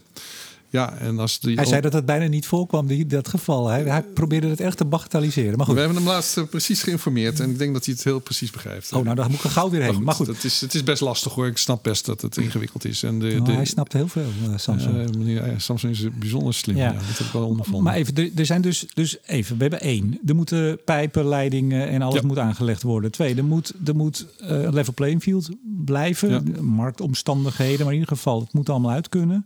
Dat kan het nog niet. Ehm, en u zit met die heffingen, die, vooral die Nederlandse heffing zit u dus wel. Nou, ik begon eigenlijk te vertellen over die ETS, over die Ja. CO2-heffingen eh, en dergelijke. Nou, als je natuurlijk een, een stap voorwaarts maakt. Ik zei ook, eh, aardgas is duurder dan kolen, waterstof is duurder dan, ehm, eh, dan aardgas. En groene waterstof is duurder dan, dan grijze waterstof. En wij willen naar die groene waterstof toe. Ja, als je als eerste die beweging begint te maken, ja, hoe ga je dan om met het feit dat je hogere productiekosten krijgt? Nou, eh, een van de punten daarbij is natuurlijk, gaat de consument betalen? Hè? Gaan onze afnemers en de afnemers van onze afnemers uiteindelijk voor dat groene staal betalen? Hè? Berger zegt nou nee. Ja, maar uiteindelijk gaat het daar wel in terechtkomen. Alleen in die overgangssituatie en de snelheid waarmee we dat willen doen hè, in Nederland en in Europa. Ja, eh, dat, dat is maar de vraag of de markt die snelheid kan, kan, kan volgen. Wij nou, denken ook van niet. in ieder geval. Dat, ik weet niet hoe het er precies staat, maar nee, dat, dus, nee, is, dus is dat, dat betekent dat als je, als je sneller bent, dan, ja, dan heb je behoorlijk hogere productiekosten dan wanneer je een beetje af zit te wachten. Ben je wel groen, maar ben je ook failliet? Als, je, uh, ja, als, je geen, als daar niet een, een, vorm van hulp op een of andere manier bij komt om die situatie, die, die, die, die periode te overbruggen. En hoe je dat precies moet doen en hoeveel dat precies is, nou, dat moet natuurlijk allemaal uitgewerkt eh, worden. Wij willen als bedrijf graag die grote stap in één keer voorwaarts maken. Nou, en daar hebben we hulp bij nodig om dat goed, uh, goed te kunnen doen. Daar zit er voor een deel natuurlijk in dat, dat we hard zullen inzetten op uh, het vergroenen van het staal en daarmee ook een hogere marge uit de markt halen. We zien dat gebeuren. Hè. We zien Volvo, BMW, Mercedes, die beginnen te vragen om groen staal. We zien uh, ook vanuit de verpakkingsindustrie bijvoorbeeld, zien we dat er interesse is. Want ja, blikjes verkopen die van groen staal gemaakt zijn. Ja, en dan zijn die blikjes, die worden een paar cent duurder. Dat, dat is de grote orde van waar we het over hebben. Ja. Maar zolang we dat nog niet hebben, ja, gaan we door een kritische periode heen natuurlijk. Ja. U zei net, we willen die stap maken, maar we hebben het vastgesteld, u moet het maken. Er is geen keus. Er is geen keus. Oké. Uh, we, eindigen zo met het geld, maar even de, de, de derde randvoorwaarde. En dat is wel interessant, want die is misschien wel nog veel bepalender voor of u die 230 gaat halen, wat dan het magische nieuwe jaar is. Uh, ja, hoe staat het er? De, moet, de vergunningverlening moet sneller. En maar het moet even zorgvuldig, dat vind ik wel mooier. Het moet even zorgvuldig als met alle inspraak en alles wat we in Nederland hebben. Maar het moet veel sneller. Van uh, eh, 4,5 jaar, of nee, ja, 4,5 jaar wat het nu zou zijn. Als u het nu begint. U begint gewoon vanmiddag meteen te bestellen en, en, en te doen. Maar dat moet naar 3,5 jaar. Ja, of nog sneller. Hè? Ik weet niet precies hoe ja, het is. Nou ja. Maar wat je ziet is, er zitten een paar dingen op de rode draad hè, om die, die hoge ambitie te halen. Hè. We hebben gezegd voor 2030. Intern proberen we het eigenlijk 2027, 2028 uh, te hebben staan. Nou, dan heb je echt heel korte tijd voor zo'n groot project. We bouwen echt de helft van het bedrijf om. Het, gaat, het ziet er straks heel anders uit hier. Nou, wat zit daarin? Engineering. Hè? We hebben net een heel gesprek gehad. Wat wil je nou eigenlijk precies? Daar zitten nog behoorlijk wat open gaten in. Hè? Wat gaan we dan precies kopen? Hoe gaat de configuratie Maar sterker nog, sorry dat ik u onderbreek. Uh, het is zelfs zo dat uh, u moet geloof ik al het uh, detailontwerp maken voordat de vergunningen er zijn. Want de input daarvan is nodig voor de vergunning. En u moet eigenlijk al spullen gaan bestellen voordat u het ontwerp af hebt. Min of meer. Dus er zal, en, en dat is misschien wel een van de innovaties die we moeten uitvoeren. Hè? Dat we in plaats van te zeggen we doen eerst A, dan wachten we tot B en dan beginnen we met C. Dat we zeggen, kunnen we niet meer parallel gaan doen. Maar je kan toch geen spullen al bestellen? Ik, ik ga een heel eind met u mee. Maar op, dit, op deze schaal, dit soort apparatuur, ook nog eens voor een proces wat weliswaar nu bestaat in het klein, maar nog opgeschaald moet worden. De technische mensen hier die hebben nu al slapeloze nachten van hoe bewaken we die kwaliteit. Want u zegt wel ja, dat, lukt wel, maar dat moeten we nog zien. Maar dan moet je al spullen gaan bestellen, letterlijk, zo staat het er ook, voordat je eigenlijk, eigenlijk je ontwerp af hebt. Dat, dat gaat natuurlijk niet. dus je, je moet wel een ontwerp hebben. Alleen dat ontwerp kent natuurlijk ook verschillende fases. Maar je, dus je moet eerst die engineering doen. En dat moet letterlijk volgens mij volgend jaar beginnen. Dacht ik in nou, het tijdschema. We, we, zijn, we zijn natuurlijk al aan het, aan het voor, uh, voorgloeien, zeg maar. We zijn, we, zijn al, we zijn al begonnen daarmee. Wanneer moet er echt gewoon geld op tafel besteld worden? Spulletjes besteld? Oh, dat weet ik niet precies uit mijn hoofd. Nou, ik zag in het schema volgens nou, mij. Dat, uh... Nou, u weet het beter. Dan, nou ja, maar even kijken. Als ik, als ik zeg van. Uh, ja, de engineering toch een anderhalf jaar of iets dergelijks. Dan heb je de, de vergunningverlening ja, die probeer je natuurlijk zo snel mogelijk te starten. Hè, want in dat vergunningverlening, ook de overheid zal zich daarop moeten inrichten. Dus de overheid zal ook capaciteit moeten creëren om die vergunningen met een bepaalde snelheid door te voeren. Ja, maar dat vind ik ook zo opvallend. Ik, ik had laatst een gesprek met iemand die zei, nou, we, we mogen wel wat meer hier, eh, zoals in China. Ik denk, ja, dat is prachtig. Dat zegt u niet hoor, maar eh, nee, dat zeg daar zijn ook wat, wat andere... dat, dat vind ik ook niet over. Nee, maar hoe ga je in Nederland... Ehm, een vergunningtracé met, met, nou ja, er zullen ook, want ik las in de, de stakeholder gesprekken, niet iedereen wil dat Tata hier blijft. Ik denk dat u niet gaat zeggen wie dat niet willen. Hè. De meesten willen wel dat Tata blijft, maar een aantal ook niet. En er zijn denk ik ook bewoners die doorgaan met advocaat Fiek met zaken aanspannen. Dus hoe je dan in, in dit enorme.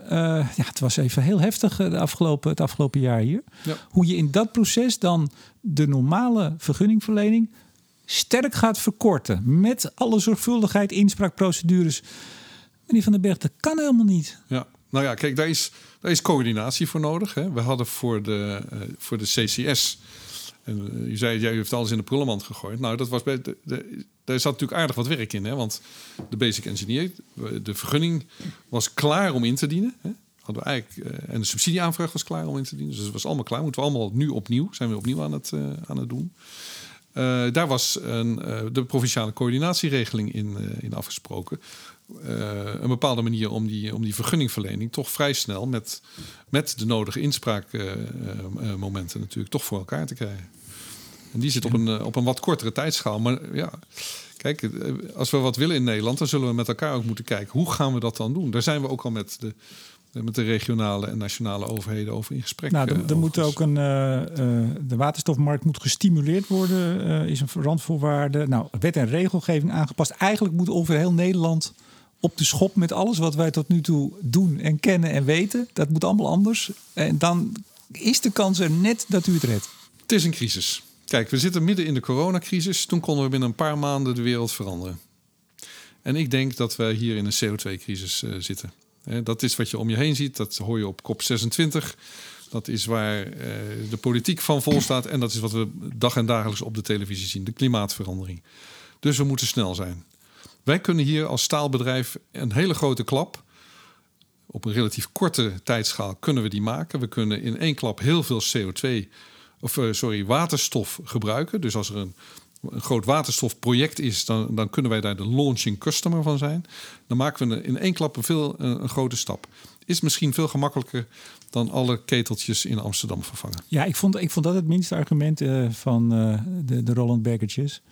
Want ja, dit, als ik naar, uh, naar Groningen ga, nou, dat was ik vrijdag, of ik ga naar de Maasvlakte, daar zitten allerlei partijen die precies hetzelfde kunnen zeggen. Wij kunnen launching customer zijn. En dat roepen ze ook. Dus, maar wij zijn de grootste. Ja, dus u bent de grootste met, vervuiler. Met, ja, dat nou, spe, zo, een voordeel. Als je het zo wil noemen, maar met 12 miljoen ton CO2 is er hier gewoon veel te halen. Grootste uitstoter, dat is, dat is neutraler gezegd. Emittent. Kijk eens aan. Um, maar die, de impact op de overige emissies, nogmaals in het eindrapport, dat is nog niet bekend. En dat vond ik opvallend. Nou, daar hebben we veel met elkaar uh, over gesproken. Hè? Want wij hebben data aangeleverd. Kijk, je, we weten wat je vermindert als je installaties sluit. Hè? Want we weten van onze installaties wat ze, wat ze uitstoten. Dus je, dat, dat, dat, dat is een vermindering. We weten overigens ook op korte termijn wat de roadmap oplevert. dat is nog een keer gekopieerd in het rapport roadmap van. Plus, pas op. Roadmap Plus. De roadmap Plus. dus precies. Dus de, die getallen zijn daar nog een keer genoemd. Dus we weten als we installaties sluiten hoeveel we verminderen. We weten ongeveer wat het betekent als je die DRI-installatie bouwt in plaats van een hoogoven. Nou, een deel dus niet, want er staat zelfs een uitstoot niet, precies van die... We weten niet wat de smelter uitstoot. Ja. Dat weten we niet. Dat nee, is dat... op de markt niet, uh, niet te krijgen. Dus we hebben gezegd, als je inderdaad de installatie sluit, dat haal je ervan af. Je stopt er weer een stukje in voor de, voor de DRI-installatie. En dan is er een stukje onbekend. Nou, dan kom je op een soort best case uit. Wat overigens een enorme reductie is van emissies. Hè? Dat, dat, dat is duidelijk. Maar dat laatste stukje, dat weten we pas op het moment dat we de basic engineering gedaan hebben. En dat we precies weten, deze installatie willen we hebben. En dan kan een fabrikant aangeven, dat betekent dit voor de emissies. Ja, maar ik, ik nou goed, dat is misschien een klein punt. Nou, hoewel hier in de omgeving is het een heel groot punt. punt heel ja, groot punt. Ik had verwacht dan dat er in zo'n rapport staat van nou, we gaan met deze stappen, weten we dat we zoveel procent verminderen in die stoffen. En wat er dan weer bij komt, dat is in verhouding tot met een bandbreedte. Hè, u zei het al, er gaat heel veel af. Maar wat erbij komt, weten we niet exact. Maar dan moet je toch wel iets kunnen aangeven van. Nou, ik zeg even wat, er gaat 50 af en er kan misschien 5 à 10 bij komen. Ik, ik zeg maar iets geks. Ja, dat is, uh... Er staat nu niks. Dus dat staat er nu Er niet. staat van een stukje van de nieuwe installaties dat we niet weten hoeveel. Nee, maar ik zou, ik zou, laat ik zo zeggen, ik geef u een advies. Ik zou, ik zou toch eens kijken of je kan uitzoeken hoe dat zich tot elkaar verhoudt. Ja. Want er zullen hier bewoners naar de rechter stappen. Die zeggen, ja, dan gaat hier een experiment gebeuren met iets waarvan we niet weten wat daar de impact van is. En dan gaat die rechter aan u vragen, nou, eh, kunt u toch eens een beetje aangeven ah, wat zo, het kijk, doet? Zo zal het natuurlijk niet gaan. Nou. Op het moment dat wij een vergunning indienen, dan is dat bekend. Dan zal er een milieueffectrapportage gedaan uh, moeten worden. Dus voordat dat, uh, de installaties hier staan en draaien, zijn al dat soort dingen precies bekend. Goed, geld. Tot slot. Oh, dat hadden we toch gehad al? Nee. Oh. Want ook daarvan, dus nogmaals in het tussenrapport zei uh, Ron Berger... nou, we gaan in uh, exact, dus dat echt woorden als exact of precies... gaan we in het eindrapport zeggen wat de economische implicaties zijn. Uh, ja, ik, ik weet het niet. Of ik, ik kan niet goed lezen, dat kan ook. Voor mij staan er twee dingen in. Er staat in dat de totale overgang miljarden kost. Ja. En er staat in dat de eerste stap meer dan een miljard kost. Ja, nou ja, er staat inderdaad miljard, ja, maar miljarden. Nou, van dat is er staat. En ik snap je vraag. Ja, hè? dat is natuurlijk. Nee, maar dat vond ik ook heel vraag. zwak in het rapport. Eh, kost miljarden. Ja, nou. Daar, daar had u mij ook voor kunnen inhuren om, om dat te zeggen.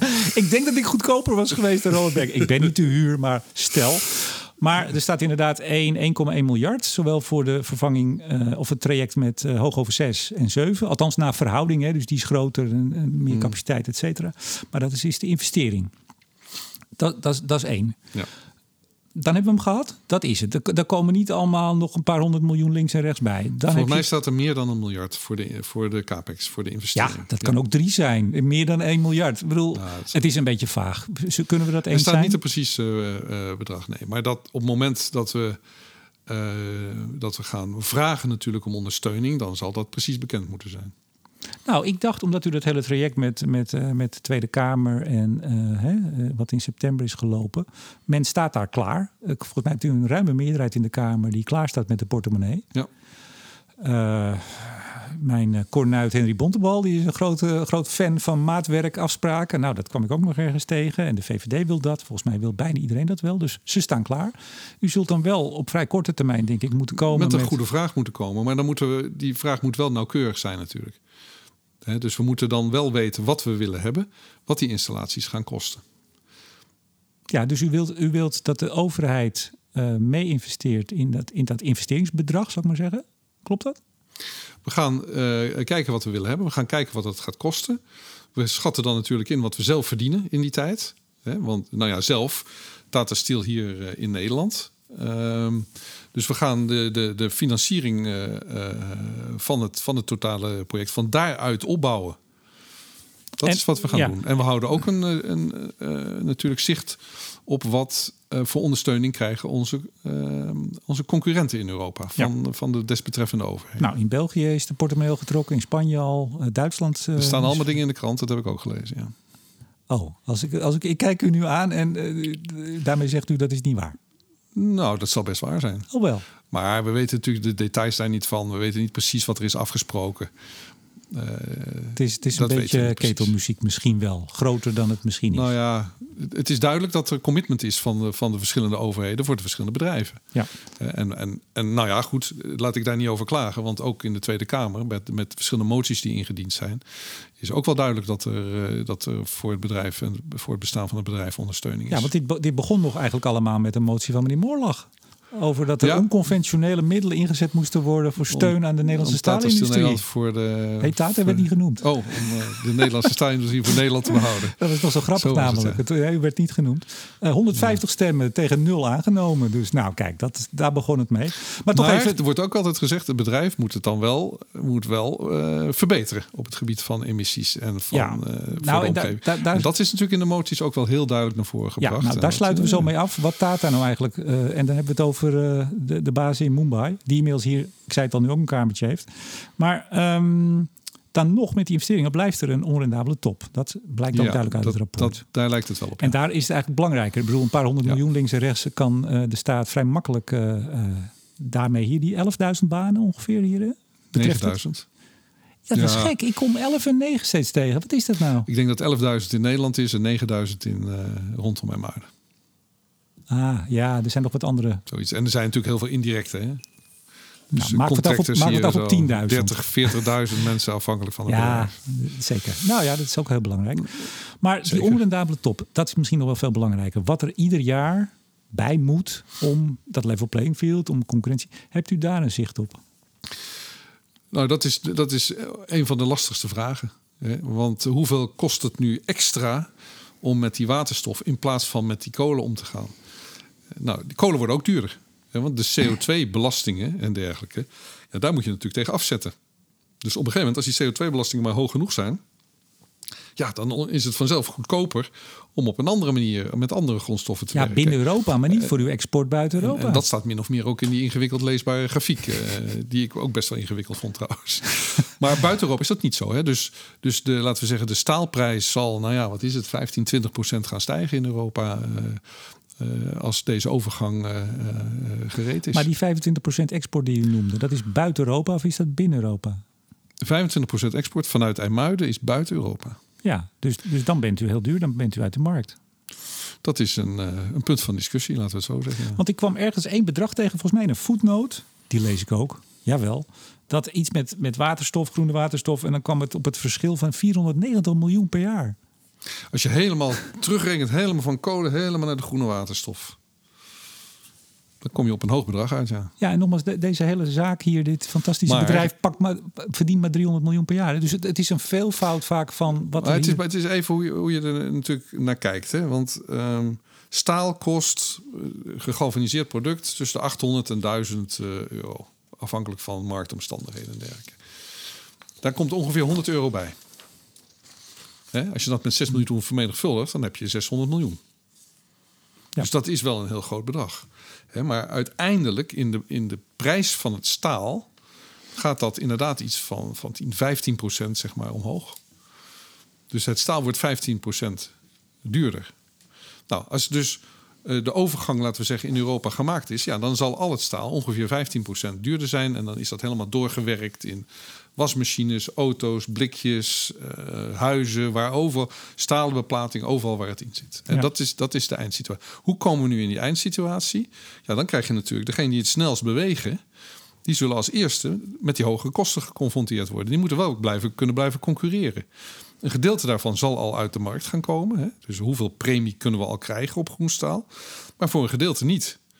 Nou, dat is denk ik het gesprek wat wij met de overheid eh, zullen moeten hebben. En eh, nou, dan zal ik het niet meer een sprong in het duister noemen, maar in een, uh, een schemerige avond met veel mist.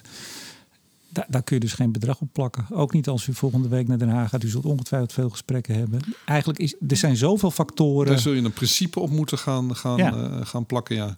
En dat, dat is denk ik ook wel met, met deze overgang in dit project, hè, de komende 15, 15 jaar. Um, ja, het is, het is een grote stap voorwaarts die we, die we, die we maken. Die alle staalindustrie in Europa overigens aan het maken is. Hè? Want iedereen is heel hard bezig om deze stap uh, Ja, en dan loopt u ook nog eens niet vooraan. En daarom kom ik, schakel ik even naar Tata, het, moederbedrijf. We hebben vaak gehoord over Tata Europe, waar ook nog... Uh, weet je ook alweer, meneer? Hen Henrik Adam, die was ook in Nederland nog wel eens in het nieuws. Dat is de CEO, ja. Ja, van Europe. Maar u hebt nu ook de baas van Tata Steel, ik zeg maar even wereldwijd, uit India. Die hebt u hier nu als uh, voorzitter van de Raad van Commissarissen. Ja, dat klopt. En ik zag in een uh, uh, bericht dat u er hartstikke blij mee bent allemaal, dat hij zo betrokken is. Maar ik, ik, ik, zie iets heel anders, want ook daar heb ik toch weer even wat data op een rij gezet. eerst wilde, ik zeg maar even India, India wilde eerst Tata Steel Europe laten fuseren met ThyssenKrupp. Dat is niet gelukt. Door de, de, Europese Commissie. Weer Samsung, hè? Die gingen voorleggen. Oh nee, toen, ja, ja, nou, toen was hij er al, toch? Um, het zou te veel, nou, denk ik, monopolie worden. Dus dat, dat is van de baan. Um, toen stond u in de etalage. Toen zou misschien gekocht worden. En eigenlijk waarschijnlijk wel door SSAB, spreek ik maar uit, de Zweden. Die al groen staal op kleine schaal hebben. Nou, die hebben ze in de boeken gekeken. En uh, die zeiden, nou nee, dit gaan, dit gaan we niet inpassen. Dit, dit gaat niet lukken. Dan moet zoveel geïnvesteerd worden. En die jongens doen het al. Die zitten al op de DRI. Dus die kijken naar Tata en Muiden. En die zeggen, nee, dit, dit, uh, dit gaat hem niet worden. Er moet zoveel geïnvesteerd worden. Gaat niet lukken. Uh, nou, nu bent u losgeweekt van, van Groot-Brittannië.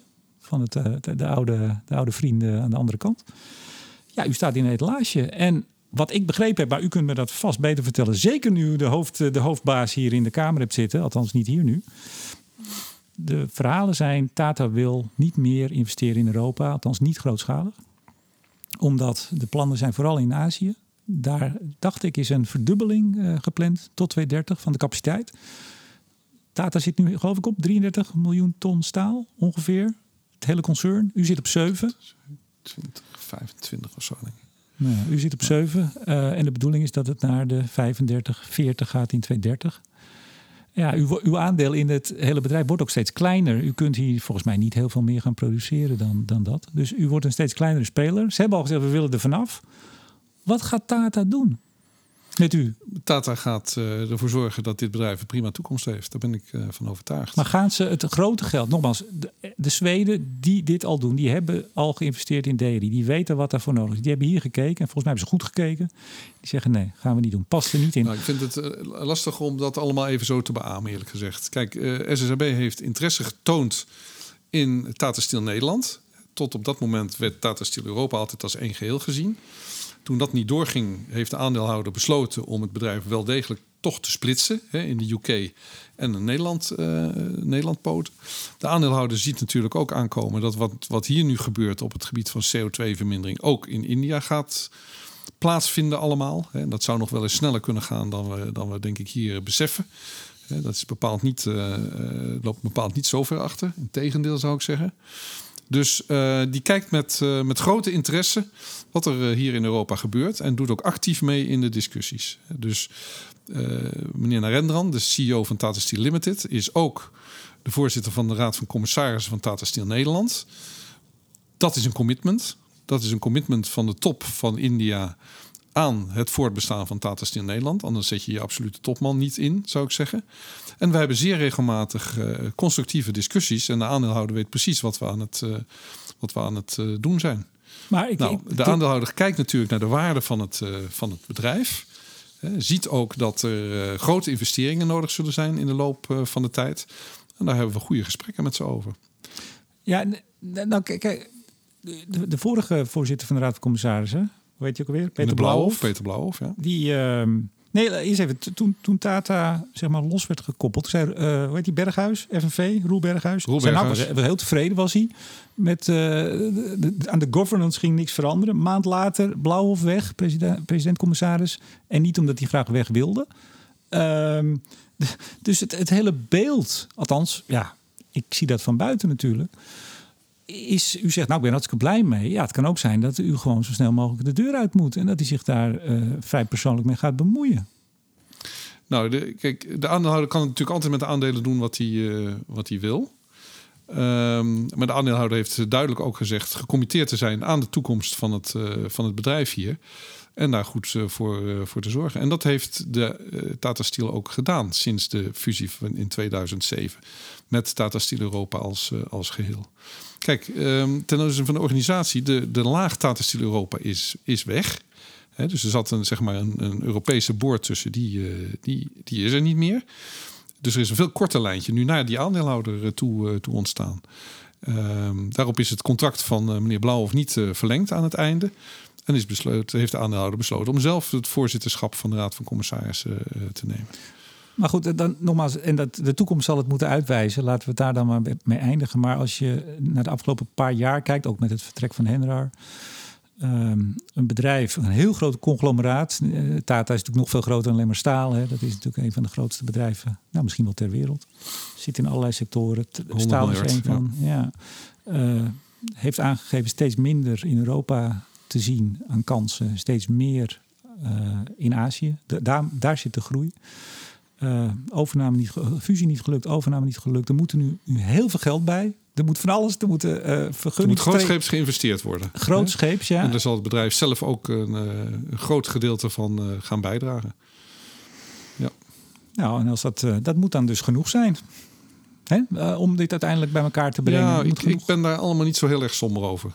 Kijk, ik denk dat per 1 oktober is, zijn we een zelfstandige business geworden. Eigen raad van bestuur, eigen raad van commissarissen een, eh, een gecommitteerde lange termijn eh, eh, aandeelhouder.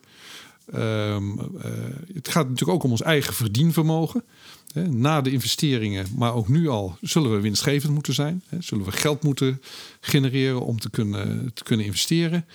Uh, we zijn nu 13, 14 jaar in eigendom van, van Tata Steel. De laatste vier jaar hebben we heel veel geïnvesteerd eh, in het bedrijf. Ondanks dat we twee jaar verlies gemaakt eh, hebben. We hebben een groot startprogramma uitgevoerd. Ehm, ja, ik ben helemaal niet zo somber daarover. En uiteindelijk gaat het natuurlijk over het verdienvermogen en de kracht van Tata Steel in Nederland hier, wie de aandeelhouder ook is. Maar ik, ik denk zelf dat, nogmaals, u zegt een gecommitteerde aandeelhouder, we gaan af, afronden nu hoor. Maar gecommitteerde aandeelhouder, ja, die van u af wil, tot vrij recent die, die de boel wil verkopen. Nou, dat, dat, dat, dat mag. Het klinkt nu net een beetje van, nou, ze gaan hier grootschalig. Ze wilden tot voor kort dan, laat ik het netjes zeggen. Wilden ze de boel verkopen. Zou het zo kunnen zijn? Er wordt grootschalig geïnvesteerd. We hebben de afgelopen jaren honderden miljoenen uitgegeven aan strategische investeringen. Maar het gaat nu over, u zei het zelf. En Ronald Berger zegt het, miljarden. Het, gaat over heel veel geld, maar miljarden over, ook over langere termijn. Hè? Dus financiering is ook over een langere termijn uh, te regelen. Nou, ik, ik hoop dat, u, uh, dat uw optimisme uit gaat komen komen. Dat ik veel te somber ben. Dat ik denk dat dit met alles wat erbij hoort. En dat hebben de luisteraars denk ik wel gehoord. Uh, er moet echt alles moet anders. Nou, dat is prachtig als het lukt. Maar Nederland een beetje kennende. Uh, nou, ik, ik help het u hopen. Mag ik het zo zeggen? Ja, dankjewel. Uh, ik heb er zelf alle vertrouwen in hoor. En heel veel mensen hier in het bedrijf ook. Dus, uh, nou, dat is het allerbelangrijkste. Wat die, wat die man in die podcast vertelt, daar zou ik niet op letten. Dan moet je het uiteindelijk waarmaken. Goed zo. Hans van den Berg, baas van Tata Steel Nederland. Hartelijk dank voor het gesprek. Graag gedaan. Uiteraard bedank ik ook jullie, beste luisteraars. En in het bijzonder de beste vrienden van de show. Luister jij nou ook graag naar Studio Energie? Word dan vriend van de show. Wat dat kost? 3,50 per maand. Het kost helemaal niks. Ik bedoel, Tata zou het ook nog kunnen opbrengen, meneer Van den Berg. Het is, het is helemaal niks. koffie in het centrum van Amsterdam. Kijk eens aan. Ga naar vriendvandeshow.nl, zoek even Studio Energie en druk op de knop Word vriend. Mijn naam is Remco de Boer. Graag tot de volgende keer.